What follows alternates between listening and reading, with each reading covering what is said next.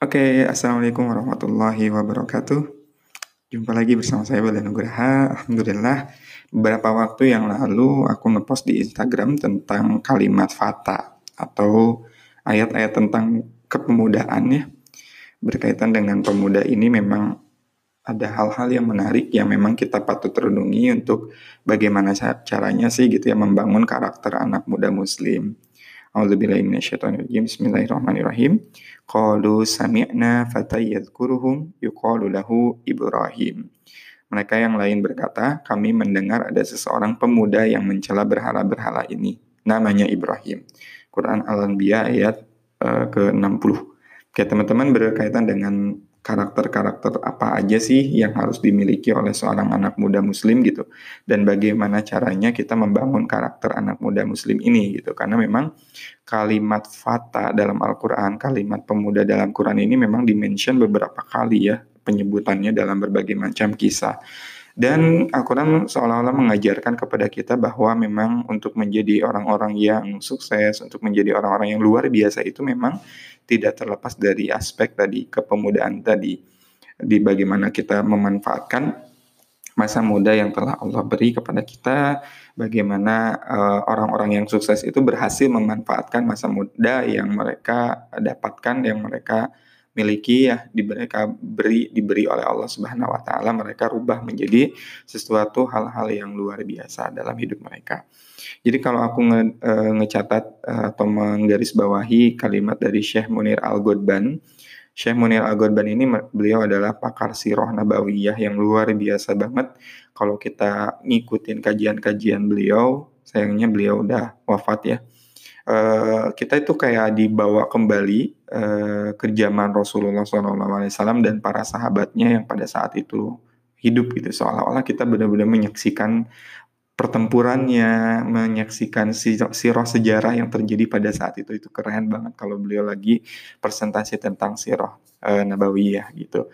Nah, Syekh Munir Al Gulban ini pernah berkata gitu bahwa tidaklah Nabi Muhammad SAW wafat itu kecuali melahirkan 2000 pemimpin muslim.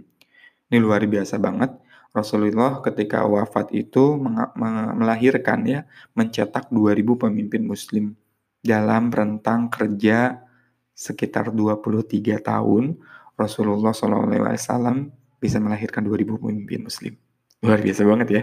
Itu nggak jadi apa ya semacam pertanyaan bagi kita kalau kita nanti meninggal kita bisa melahirkan berapa banyak generasi solih di bawah kita, berapa banyak yang bisa meneruskan uh, estafet perjuangan kita gitu. Itu kayaknya luar biasa banget ya sosok Rasulullah ini. Dan kalau kata beliau itu ya 2000 pemimpin muslim ini cukup untuk memimpin seluruh bumi ini. Itu keren banget, luar biasa banget ya dan kalau kita ngebahas tentang masalah pemuda ini, hampir kita lu seolah-olah lupa mungkin atau luput nggak tahu gimana, kita nggak sadar bahwa hampir 67% hadis-hadis Nabi SAW yang sampai kepada kita itu jalur periwayatannya dari sahabat-sahabat yang usianya kecil gitu atau masih muda-muda nih. Bukan sahabat-sahabat tua, bukan Abu Bakar, bukan Umar, bukan Utsman gitu ya. 67% periwayatannya itu dari tujuh sahabat kecil. Tujuh sahabat yang kecil ini empat orang dari Mekah dan tiga orang dari Madinah. Empat orang dari Mekah itu salah satunya dari Yaman. Eh, perawi hadis terbanyak yaitu adalah Abu Hurairah. Nanti kapan-kapan kita akan cerita tentang dahsyatnya Abu Hurairah ini dan bagaimana sih caranya Abu Har Abu Hurairah ini bisa mendapatkan ilmu yang luar biasa dari Rasulullah karena uh, mostly uh, Abu Hurairah Abu Hurairah ini adalah sahabat yang paling banyak meriwayatkan hadis tercatat sekitar 5374 hadis sampai jalur kepada kita itu dilewat dari Abu Hurairah gitu. Kemudian bagaimana Rasulullah SAW melahirkan salah satu ilmuwan uh, akhwat, ilmuwan perempuan yang tiada tandingannya, tandingannya gitu ya, tandingannya ada apa sih? Maaf ya, nggak ada tandingannya. Apa? Jadi lupa nih, nggak ada tandingannya gitu. Yang namanya Ummul Mukminin Aisyah. Beliau adalah ilmuwan yang terhebat, ya, satu-satunya wanita, nggak ada lagi ilmuwan terhebat sehebat Aisyah radhiyallahu anha. Kemudian juga ada Abdullah bin Abbas yang ketika Rasulullah wafat itu umurnya Abdullah bin Abbas ini masih 13 tahun, tapi Abdullah bin Abbas ini kelak menjadi perawi hadis yang sangat banyak. Kemudian ada Abdullah bin Umar, walaupun uh, usianya masih kecil pada saat itu dan lebih tua uh, di atas dari Abdullah bin Abbas gitu ya. Uh, kemudian ini kan empat orang nih dari Mekah tadi Abdullah bin Abbas, kemudian Abdullah bin Umar, kemudian Abu Hurairah gitu ya, dan Aisyah. Kemudian ada satu tiga orang sahabat dari Madinah. Yang pertama adalah ini masih muda-muda juga ya, yang tiga orang dari Madinah ini. Yang pertama adalah khodimnya Rasulullah Shallallahu Alaihi Wasallam. Uh, khodimnya Rasulullah atau pelayanan Rasulullah Alaihi Wasallam itu dititipkan oleh ibunya kepada Rasul dan ibu ini adalah ibu yang sangat cerdas di mana dia menitipkan anaknya pada orang yang soli. Ya Rasulullah, ini anakku Unais, kata ibunya. Ya, ibunya siapa? Anas bin Malik. Anas bin Malik, biarkan dia membantumu dalam kehidupan sehari-hari. Dan kelak kita tahu kan Anas bin Malik ini memang perawi yang terbanyak, eh, perawi yang menghasilkan, uh, mensarikan kembali hadis di kalangan Ansor Madinah. Uh, beliau yang paling tahu urusan keperluannya Rasulullah dari A sampai Z-nya karena memang ke mana-mana ya bersama Rasulullah SAW. Yang kedua ada Abu Sa'id Al Khudri uh, dari Madinah juga dan tiga Jabir bin Abdullah radhiyallahu an. Nah ini sahabat-sahabat uh, ini yang meriwayatkan 67% hadis tadi itu merupakan tujuh sahabat yang memang usianya muda-muda nih gitu. Jarang ada uh, sahabat-sahabat tua mungkin ada beberapa ya hadis-hadis dari uh, sahabat-sahabat tua tapi memang konsennya adalah di sahabat-sahabat muda apa hikmahnya nanti kita bahas uh, selanjutnya gitu oke okay? kalau kita baca ini juga pasti kan bertanya uh, apa pentingnya data yang kita dapatkan ini gitu nah kalau kita lihat Al-Qur'anul Karim sosok uh, penegak lambang tauhid ya yang paling kokoh adalah Nabi Ibrahim dengan seluruh ujian yang Allah berikan dan Nabi Ibrahim selalu lulus dengan sempurna. Wa idzib tala Ibrahim rabbuhu bi kalimatin fa atammahun qala inni ja'iluka lin-nasi imama qala wa min dzurriyyati qala la yanalu ahdi dzalimin. Nabi Ibrahim diberikan beberapa ujian-ujian tapi Nabi Ibrahim selalu lulus. Kemudian hmm, ada hal yang menarik dari Quran surat Al-Anbiya yang tadi jadi pembuka di podcast kita ini. Uh, Nabi Ibrahim berkata kepada para pemimpin pada saat itu ya, Raja Namrud dan para reng-rengannya gitu ya. Kemudian uh, mereka kan bingung nih siapa nih yang menghancurkan berhala-berhala ini.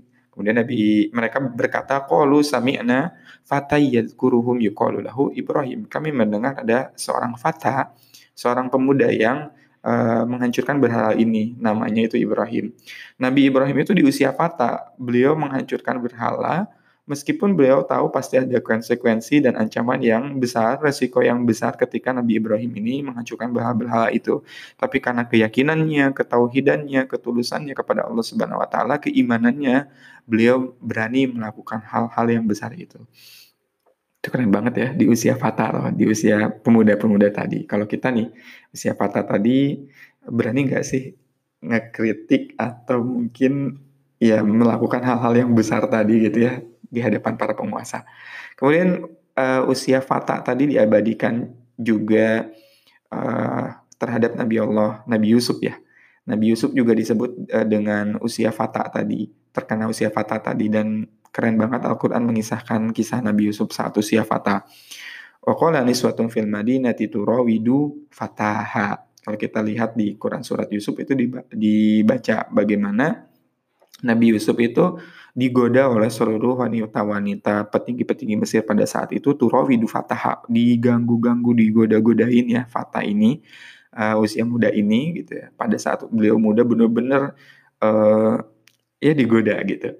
Tapi ada hal yang menarik dari ungkapannya Nabi Yusuf saat digoda itu. Kemudian Nabi Yusuf mengucapkan satu kalimat qala ma'azallah innahu rabbi ahsana maswai innahu la yuflihul zalimun Qala ma'azallah. Nabi Yusuf berkata, Ma'azallah, aku berlindung kepada Allah. Saya nggak mau melakukan hal-hal buruk ini. Saya nggak mau melakukan kemaksiatan-kemaksiatan ini. Padahal pada saat itu Nabi Yusuf syahwatnya sedang menggelegar gitu ya. Kemudian banyak. Nah oke, okay. karena tadi kepotong ya. Supaya nggak terlalu panjang juga episodenya. Dan yang kedua tadi adalah sosok Nabi Yusuf. Nabi Yusuf saat digoda oleh para para petinggi tadi Turawidul Fataha ada satu momen ketika Nabi Yusuf kan masuk ke dalam kamar, kamarnya dikunci, pintu-pintu jendelanya ditutup, semuanya udah diamankan untuk terjadinya hal-hal yang tidak diinginkan tadi. Tapi Nabi Yusuf berkata, "Qala ma'azallah, aku berlindung kepada Allah, aku takut dan sebagainya dan sebagainya." Ini keren banget yang mungkin barangkali kalau kita ngalamin hal ini kita nggak bisa melakukan itu gitu ya. Dengan segala akses yang sudah memang apa ya terbuka lebar gitu ya. Wanitanya wanita tercantik pada saat itu wanitanya adalah petinggi Mesir. Kemudian ya nggak ada alasan untuk menolak wanita tadi ya apalagi memang syahwat yang sangat tinggi ketika tadi berduaan di tempat yang memang semuanya udah aman banget tapi Nabi Yusuf menghindari itu dan ditolong oleh Allah Subhanahu Wa Taala gitu ya. Nabi Yusuf bisa menerima sinyal-sinyal dari Allah bahwa ini adalah hal-hal yang buruk sehingga Nabi Yusuf akhirnya lari gitu ya. Singkat cerita akhirnya ya terhindar dari fitnah itu tapi Nabi Yusuf masuk ke dalam penjara. Selanjutnya di usia Fatah ini ada kisah Ashabul Ukhdud ya. Kalau kita baca Ashabul Uhdud ini dalam tafsirnya itu keren banget. Nanti kapan-kapan kita akan bahas tentang kisah Ashabul Uhdud ini di mana ada seorang uh, seseorang pemuda yang berdakwah ya. Singkat cerita aja aku ceritainnya, dia itu berdakwah sampai akhirnya benar-benar satu kaum itu nih. Tadinya kaum itu pro terhadap satu raja ini, tiba-tiba kaum itu masuk uh, Islam gitu ya, ke dalam agama Allah. Kemudian uh, di surat apa Al-Buruj itu kan kita tahu ya endingnya bahwa kaum itu dieksekusi mati, dimasukkan ke dalam parit api yang nyala apinya itu berkobar-kobar banget, satu persatu dimasukkan ke dalam parit ya, digali parit itu, paritnya digali terus dibakar pakai api dan semuanya satu persatu dimasukkan itu. Wa manakumu minhum illa ayyuminu billahil azizil hamid kan di ayatnya. Dan mereka uh, tidaklah mereka men, me, apa ya nakomu itu meng, menghukum suatu kaum atau golongan mereka itu kan kecuali mereka gara-garanya ya penyebabnya adalah beriman kepada Allah.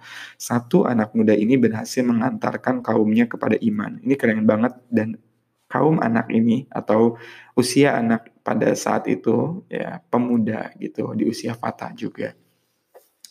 Terus setiap Jumat juga kita baca Quran surat Al-Kahfi ya, bener nggak sih? Kita setiap Jumat kan baca surat Al-Kahfi dan di surat Al-Kahfi itu disebutin innahum fityatun amanu bi rabbihim wa zidnahum huda.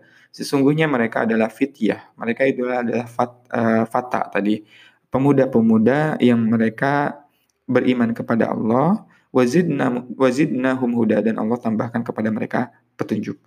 Jadi di surat Al-Kahfi juga ya dijelaskan bahwa di situ tentang pemuda-pemuda ya. Sekali lagi dimention masalah uh, pemuda-pemuda. Kemudian di dalam Quran surat Al-Kahfi juga masih Al-Kahfi ada kisah Nabi Musa ya. Nabi Musa ini akan diceritain harus belajar terhadap kepada Nabi Hidir. Nah, di pencariannya Nabi Hidir sepanjang pencarian Nabi Hidir kan Nabi Musa harus nyariin ya Nabi Hidir di mana uh, Nabi Musa ditemani oleh seorang fata juga pemuda juga di ayatnya kita tahu wa qala Musa li fatahu atina goda'ana dan Musa berkata kepada fatanya li fatahu kepada pemuda ini yang kelak kita tahu ulama-ulama tafsir menyebutkan bahwa pemuda ini adalah Yusha bin Nun yang kelak kita tahu juga Yusha bin Nun ini akan menjadi pemimpin, akan menjadi nabi pengganti setelah Nabi Musa dan Nabi Harun meninggal. Itu jadi keren banget seorang Fata ini. Hikmahnya apa sih dalam tafsir Ibnu Kasir? Itu dijelasin kata fityatun amanu, kata pemuda yang beriman itu, ini menunjukkan kata beliau kelebihan anak muda. Dan kalau kita baca tafsirnya, walihada kana aksarul mustajibina lillahi wali rasuli sallallahu alaihi wasallam syababan. Wa amma masyaikh min Quraisy fa'amatuhum baqau fi dinihim walam yuslim illa qalil. Kalau kita baca terjemahnya, inilah yang menyebabkan kenapa orang-orang yang menyeru perintah Allah dan Rasulnya itu kebanyakan itu adalah syababan, pemuda. Wa amma masyaih min Quraisy dan adapun para petinggi-petinggi, para orang-orang tua dari Quraisy itu fa'amatuhum baqau fi dinihim. Mereka itu tetap dalam uh, apa kekafirannya sampai mereka meninggal gitu dalam agama nenek moyang mereka sampai meninggal walam yuslim illa qalil dan tidaklah mereka beriman itu atau masuk Islam itu kecuali sedikit. Dan Ibnu Katsir juga adalah pakar yang memang mengerti sejarah. Beliau kalau mengatakan ini gak main-main ya, karena kita juga bisa baca kitab-kitabnya beliau dalam Al-Bidayah wa Nihayah. Kita takjub banget dengan karyanya beliau tentang sejarah sejarah-sejarah yang beliau memang pakar banget subhanallah ya masya Allah banget gitu ya. Dan data sejarah Nabi Muhammad SAW itu kita simpulkan itu sejarah dipikul oleh kaum muda.